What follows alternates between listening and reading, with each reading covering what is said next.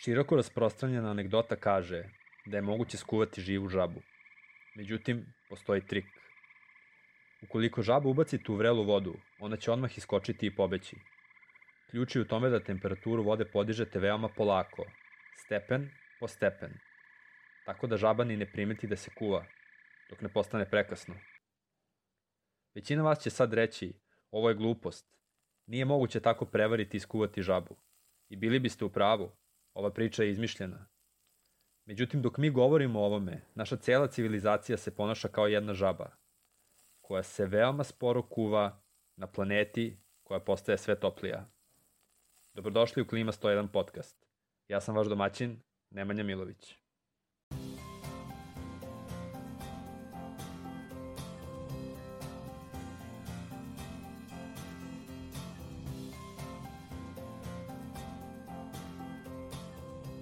U ovoj epizodi podcasta razgovaramo sa Milanom Stanojevićem, psihologom koji se bavi istraživanjem stavova i ponašanja u vezi sa klimatskim promenama.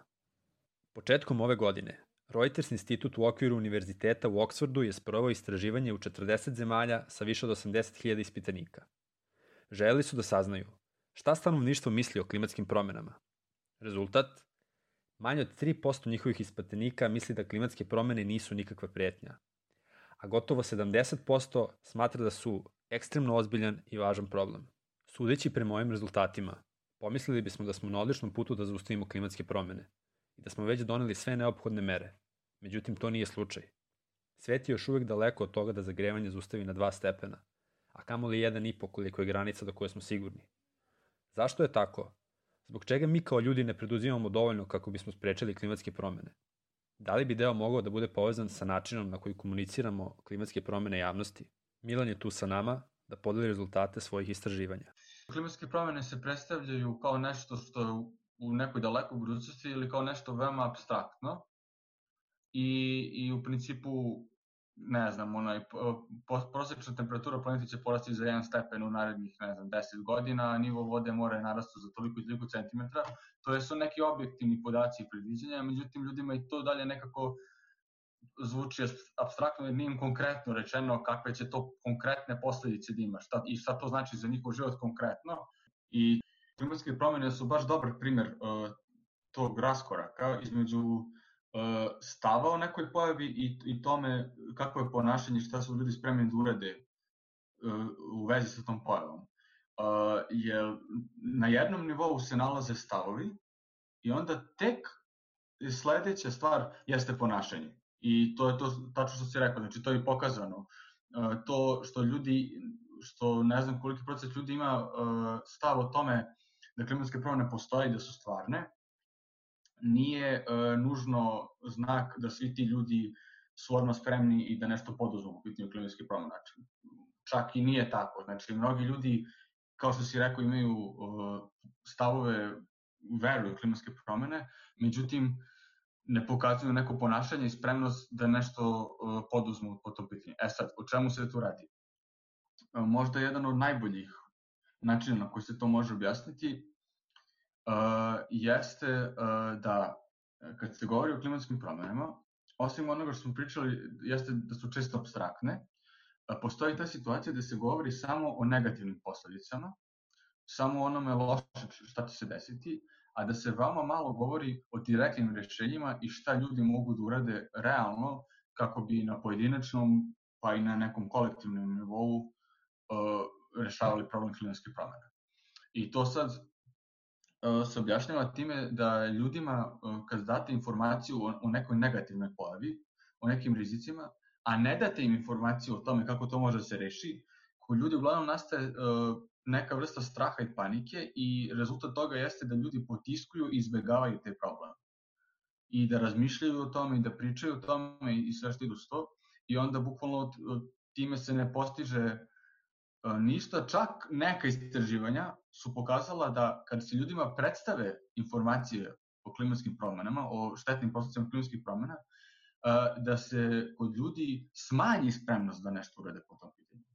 Znači, ne da ostane ista, nego se smanje. E sad, neka druga istraživanja su, su dobila da se ništa nije promenilo, tako da je to diskutabilno, ali znači svakako to postoji kao ne, neki potencijalan efekt.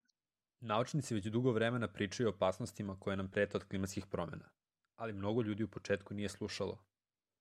Logično je bilo da pojačamo poruku, da nateramo ljude da shvate. Jasna je bila potreba da se ljudi pomalo i uplaše onim što može da se desi, pogotovo kada postoji toliko podataka koji pokazuju šta su potencijalne posledice. Međutim, da li je na taj način celom pokretu učinjena medveđa usluga? Da li su ljudi previše uplašeni, tako da osjećaju da ne mogu ništa da urade po tom pitanju? Milan nam govori o još jednom principu koji tu igra važnu ulogu. Drugi jedan aspekt koji isto ima veze sa ovim što smo pričali, jeste uh, samoefikasnost, odnosno takozvana opožena samoefikasnost. Znači, to je koliko uh, osoba misli da može da reši neki problem i koliko je sposobna da nešto reši. Znači, to, to je bukvalno percepcija koju osoba ima sama o sebi.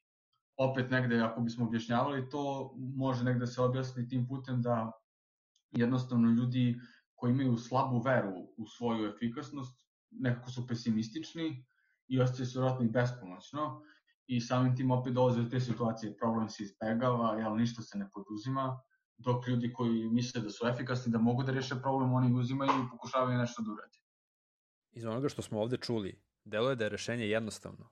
Treba samo učiniti da se ljudi osjećaju efikasnije.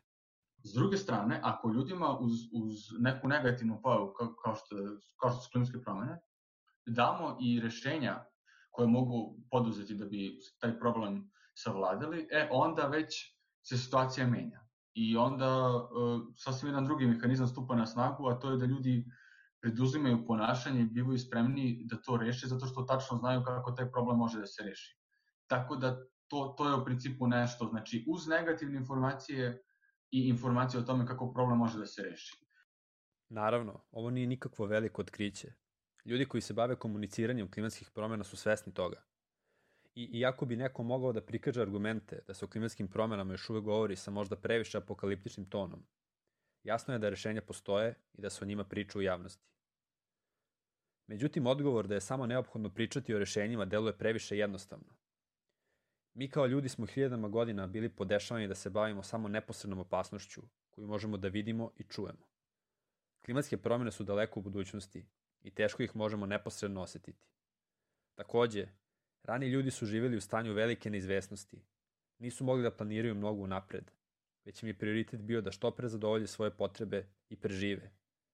Nisu imali mnogo razloga da odlažu trenutno zadovoljstvo zarad neke buduće koristi. Kako način na koji generalno kao vrsta razmišljamo utiče na naše stavove i ponašanje u vezi sa klimatskim promenama? To ponašanje negde možda najbolje može da se ogleda u crti ličnosti e, koje se najčešće naziva savesnost. E, to bi negde bilo crta ličnosti koja govori o tome koliko su ljudi samodisciplinovani, e, koliko mogu da budu dosadni u planiranju i poštovanju dogovora, rokova, ispunjavanju svojih obaveza i znači o, o, o takvoj crte ličnosti se radi. E,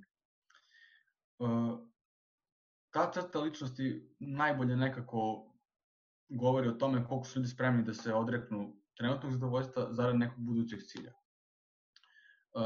što se tiče te crte ličnosti, najveći procenat ljudi ima neku prosečnu znači, prosečne skorove na toj osobini ličnosti. Znači, što bi značilo u praksi da su to ljudi koji ponekad su spremni da se odriču trenutnog zadovoljstva, ponekad stvarno ispoštuju sve rokove, skroz su organizovani, a ponekad to i nisu. Dakle, kako kad. I najviše ljudi spada u tu kategoriju. Mnogo manje ljudi spada u kategorije ekstremnog, ekstremne nesavesnosti, dakle toga da, da su potpuno haotični, e, da nikad ne odlažu trenutno zadovoljstvo, a isto tako i dosta manji proces ljudi spada u one ljude koji su izuzetno savesni, koji, koji će skoro uvek da se odreknu trenutnog zadovoljstva, koji su potpuno organizovani i tako dalje. Znači, najviše ljudi je negde na proseku što se toga tiče. To je zanimljivo zato što, na primjer, to već možda se vidi kod dece, dece 3-4 godine, e, kad se njima daju zadaci sledećeg tipa. Naprimjer, treba da urade bilo kakav zadatak i onda da, da na primjer, sami uzmu kockicu čokolade ili neki slatkiš, bilo šta tog tipa, kada urade zadatak. I tu se prvo pokaže da jedan deo dece prvo uradi neki zadatak, pa onda uzme čokoladicu ili šta je već nagrada, a da drugi deo dece ne izdrži nikad da, da uradi taj neki zadatak do kraja, nego uvek uzme tu kockicu čokolade ili nagradu pre nego što je završilo. Znači, to koliko smo savesni bi u velikoj meri moglo da bude iza našeg ponašanja povezanog sa sprečavanjem klimatskih promjena. Kad malo bolje razmislim, to zvuči prilično logično. Ali obratite pažnju na sledeću stvar koju će Milan reći. Mislim da se tu krije dobar trag zbog čega trenutno nemamo dovoljno ambicioznu klimatsku akciju. A ono što je još zanimljivije jeste da, da su najčiste takve istraživanja u stvari uh, kada roditelji izađu iz uh, te sobe u kojima, u kojima se deca nalaze. Jer, na primjer, pr prvo je bilo pokazano da mnogo veći broj dece uh, pokazuju savjesno ponašanje, odnosno prvo urade zadatak pa onda uzmu nagradu, kad su im roditelji tu. Međutim, kada roditelji izađu iz sobe, onda u stvari do, dosta dece otpadne tu i ostane jedan deo dece koja sama, kad ih niko ne gleda, kad ih niko ne posmatra, uzmu urade prvo zadatak i onda uzmu svoju nagradu. Inače, ta istraživanja dobro predviđaju kasnije tu crtu ličnosti. Dakle, deca koja ne odlažu nagradu kasnije budu manje savjesne kao ljudi. Znači, to, to je onako prilično dobro predviđeno. Dakle, od toga koliko su drugi svesni šta tačno radimo, u velikoj meri zavisi koliko ćemo biti savesni. Hajde na trenutak da razmislimo šta sve na individualnom nivou možemo da učinimo kako bismo ublažili svoj uticaj na klimatske promene. Štednja energije, kupovina zelene struje u državama gde je to moguće. Mislim da veoma malo ljudi drugima pokazuje svoje račune za struju. Možemo manje da jedemo mesa. Iako je sada popularno slikati svoj tanjer i postaviti sliku na mreže, ipak lako možemo da zadržimo za sebe šta jedemo svakog dana. A kada pričamo o nekom grupnom delovanju i podržavanju politika Pa u svim državama postoji, ili bi barem trebalo da postoji, zagarantovano pravo tajnosti glasa. Međutim, priča o klimatskim promenama nije samo priča o savesnosti i odlaganju zadovoljstva. Ukoliko ne zaustavimo sagorevanje fosilnih goriva, nas u budućnosti očekuju ozbiljne posledice.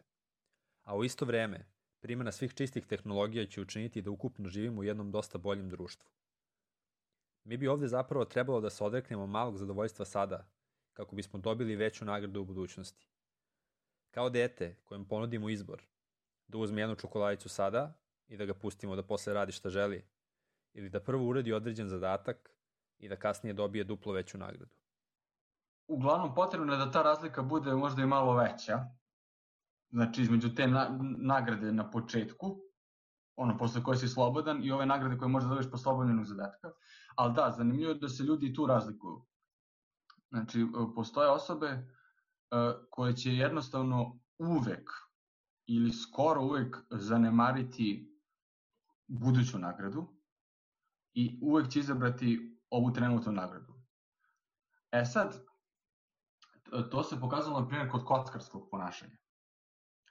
Uh, rađene, rađene su, mislim, više takve istraživanja je rađeno, uh, gde ljudi imaju igru sa, sa kartama ili sa brojevima gde uvek određene karte e, dovode do velikih e, ili trenutnih e, dobitaka, ali, ali dovode i do gubitaka. Dok postoje druge karte koje dovode možda do manjih dobitaka, ali ukupno, znači na kraju kad se svede račun, budeš, budeš u plusu. Znači to meri tu neku vrstu impulsivnosti. I jednostavno pokazano da postoje ljudi e, koji će uvek jurišati na onu na trenutnu ili veću nagradu, ali na početku, iako kasnije gube novac. Sad, e, postoji polemika oko toga. Čak je pokazano da kod nekih ljudi jednostavno taj mehanizam, e, kako kažem, kognitivno i misalno ne funkcioniše. Znači, bukvalno kod da oni nisu ni, ni sposobni, niti svesni da razmišljaju o budućnosti i, i o pozitivnijem ishodu kasnije. E, tako da, bukvalno, to je i crta ličnosti u nekom ekstremu je to i poremeći čak. I kažem, to je možda najučljivije kod kockarskog ponašanja i sličnih aktivnosti, gde ljudi za tu neku trenutnu početnu nagradu koju imaju, uzmu i sad to je malo suprotno od toga što si ti naveo, ali u principu isti mehanizam u, u pitanju. Ljudi u budućnosti mogu da imaju neki novac, ali oni se odluče da, da idu na što više, što više i na kraju izgube novac. I, iako im je ovo mnogo sigurnije. Ali u principu to je negde isti mehanizam. Mi se zapravo kao civilizacija prilično kockamo sa budućnošću naše planete i ljudi koji će živjeti na njoj krajem ovog veka. Ponašamo se impulsivno i uvek biramo trenutnu nagradu. Ali da li smo zaista kao društvo svi kockari? Šta kažu istraživanja? Gde se većina ljudi nalazi u okviru tog spektra? Pa negde dve trećine ljudi bi se nalazilo baš, baš negde tu oko proseka. Znači, to bi baš bilo ono da, kako kažem, i jesu savesni i nisu. Znači, može se uočiti savesno ponašanje kod njih, ali može se uočiti impulsivno. To je jednostavno neko, kako kažem, tako balansirano ponašanje. E sad, uh, nekih, ne znam, preko 20% bi već naginjalo malo jače, to jest nekih 15% bi naginjalo malo jače sa, na jednu stranu i nekih 15% bi naginjalo malo jače na drugu stranu. I to na kraju ostaje ne, nekih 2 do 3% ljudi koji bi bili u ekstremima. Znači kao i u slučaju savesnosti, većina ljudi se nalazi u sredini i od okolnosti u velikoj meri zavisi kako će se ponašati. A kada uzmemo u obzir ono što je Milan već rekao, da ljudi imaju veću šansu da se ponašaju savesno, kada im je situacija jasna i konkretna, kada je nagrada za poželjno ponašanje veća i kada su posmatrani od strane okoline, negde nam postaje jasno gde bi možda mogao da leži razlog zbog čega još uvek ne preduzimamo dovoljno kako bismo zaustavili klimatske promene. Ali na koji način onda to da prevaziđemo? Kako da efikasno prenesemo poruku da su klimatske promene važno pitanje, oko koga je neophodno preduzeti konkretne mere već sada? Manji deo ljudi ima toliko jako tu savesnost da je to bukvalno toliko jako da to opstaje mislim, generalno kroz život i da im, da im nije potreban nikakav poseban poticaj, nego da su oni jednostavno takvi i to je to. To je njihova, bukvalno da kažem, rigidna crta ličnosti. Ajde. Većini ljudi bi ipak trebao neki posticaj pre svega nagrada uh, za to ponašanje, da bi se to ponašanje ostvarilo leto, i to su dobre vesti neke u smislu da nije beznadežna situacija i u tom smislu ja stvarno isto ne mislim. Nešto se psihologije ti, ličnosti tiče, mislim, rezultati uglavnom jasno govore da se najveći broj ljudi nalaze oko proseka, što će reći da, mislim, to su ljudi koji su spremni da se barem ponekad ponašaju savjesno. Mislim, i, i to nešto znači. Znači, nisu ljudi koji, eto, ne ponašaju se savjesno, nema šanse. Tako da, ok, znači može na tome da se radi.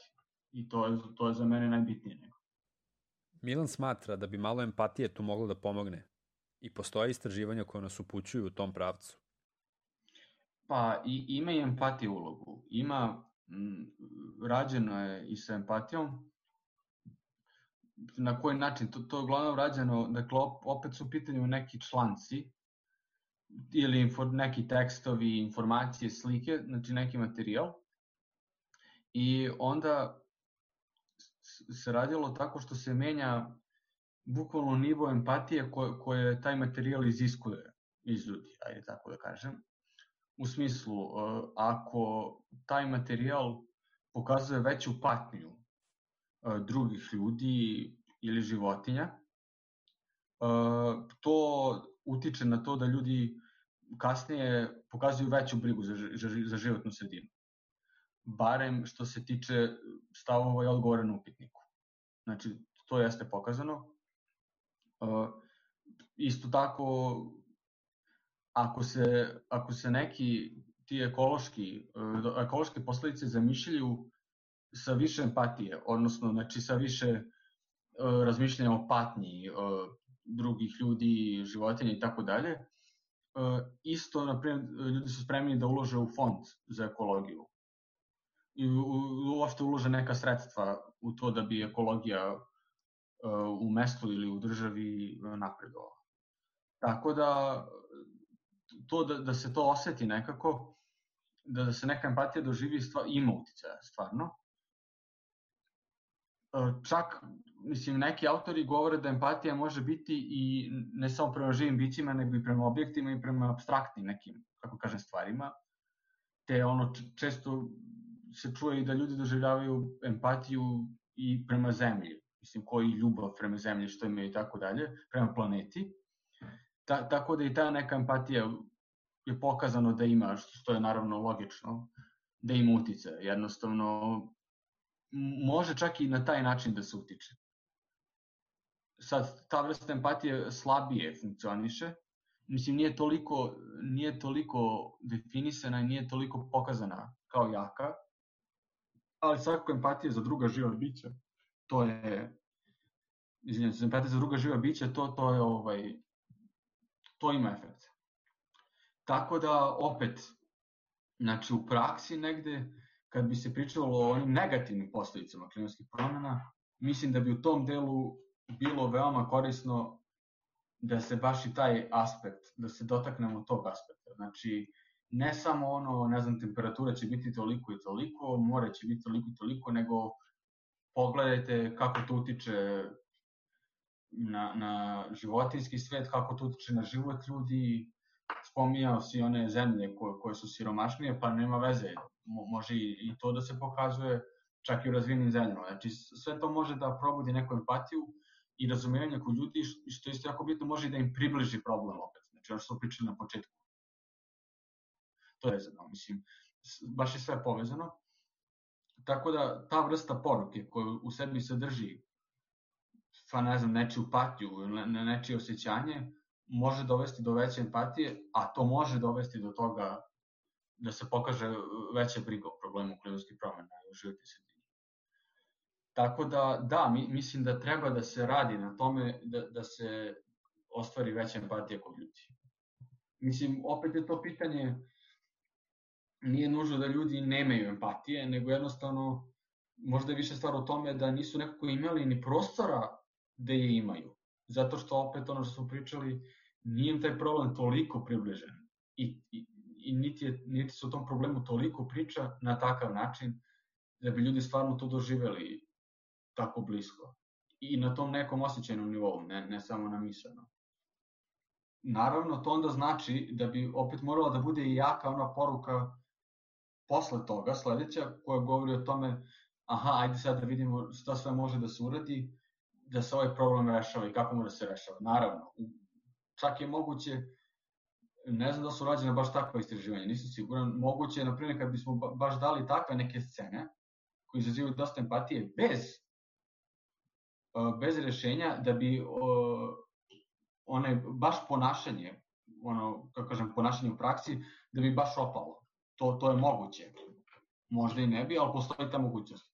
Dakle, tek onda bi moralo da se daje Mm, da, da, da se daju neka rešenja potencijalno, to je svako tačno. Ali, opet kažem, problem u onim prethodnim istraživanjima jeste to što su i te negativne posledice prikazane prilično, hm, mislim, prikazane su kao negativne posledice, kao nešto što je loše, i tako da ljudi shvate da je to loše, ali ne znam koliko, nisam siguran koliko je to ljudima približeno na ovaj način. Tako da i dalje mi je negde bilo abstraktno. Tako da mislim da bi možda najbolja kombinacija bila ovak, ovakav prikaz negativnih posledica koji je onako prilično jak i stvarno možda probudi onako emotivno i neke jake reakcije kod ljudi, ali onda isto tako da se da i dosta i kako kažem i optimistična poruka posle toga šta sve može da se uredi. Bukvalno, znači da se probudi jedna jaka reakcija koja stvarno daje motiv, znači koja daje svest o tom problemu da on stvarno postoji, da je ozbiljan, ali i onda posle toga da se razvije svesti o tomu, u stvari da o tome stvarno nešto može da se uredi. Iz svega ovoga, deluje da način na koji komuniciramo o klimatskim promenama u velikoj meri može da utiče na to kako će se stavovi i ponašanje stanovništva prema ovom pitanju formirati. A to na kraju dana direktno utiče na ishode cele priče. Možda bi svako ko poziva ljude na akciju trebalo da u svoj tim uključi i marketinške stručnjake i psihologe, koji bi pomogli da se priča o klimatskim promenama ispriča na pravi način. A to i jeste ključ svega onoga o čemu smo danas razgovarali. Moć priče. Ljudi su od uvek veoma važne informacije sa kolena na koleno prenosili u vidu priča i legendi.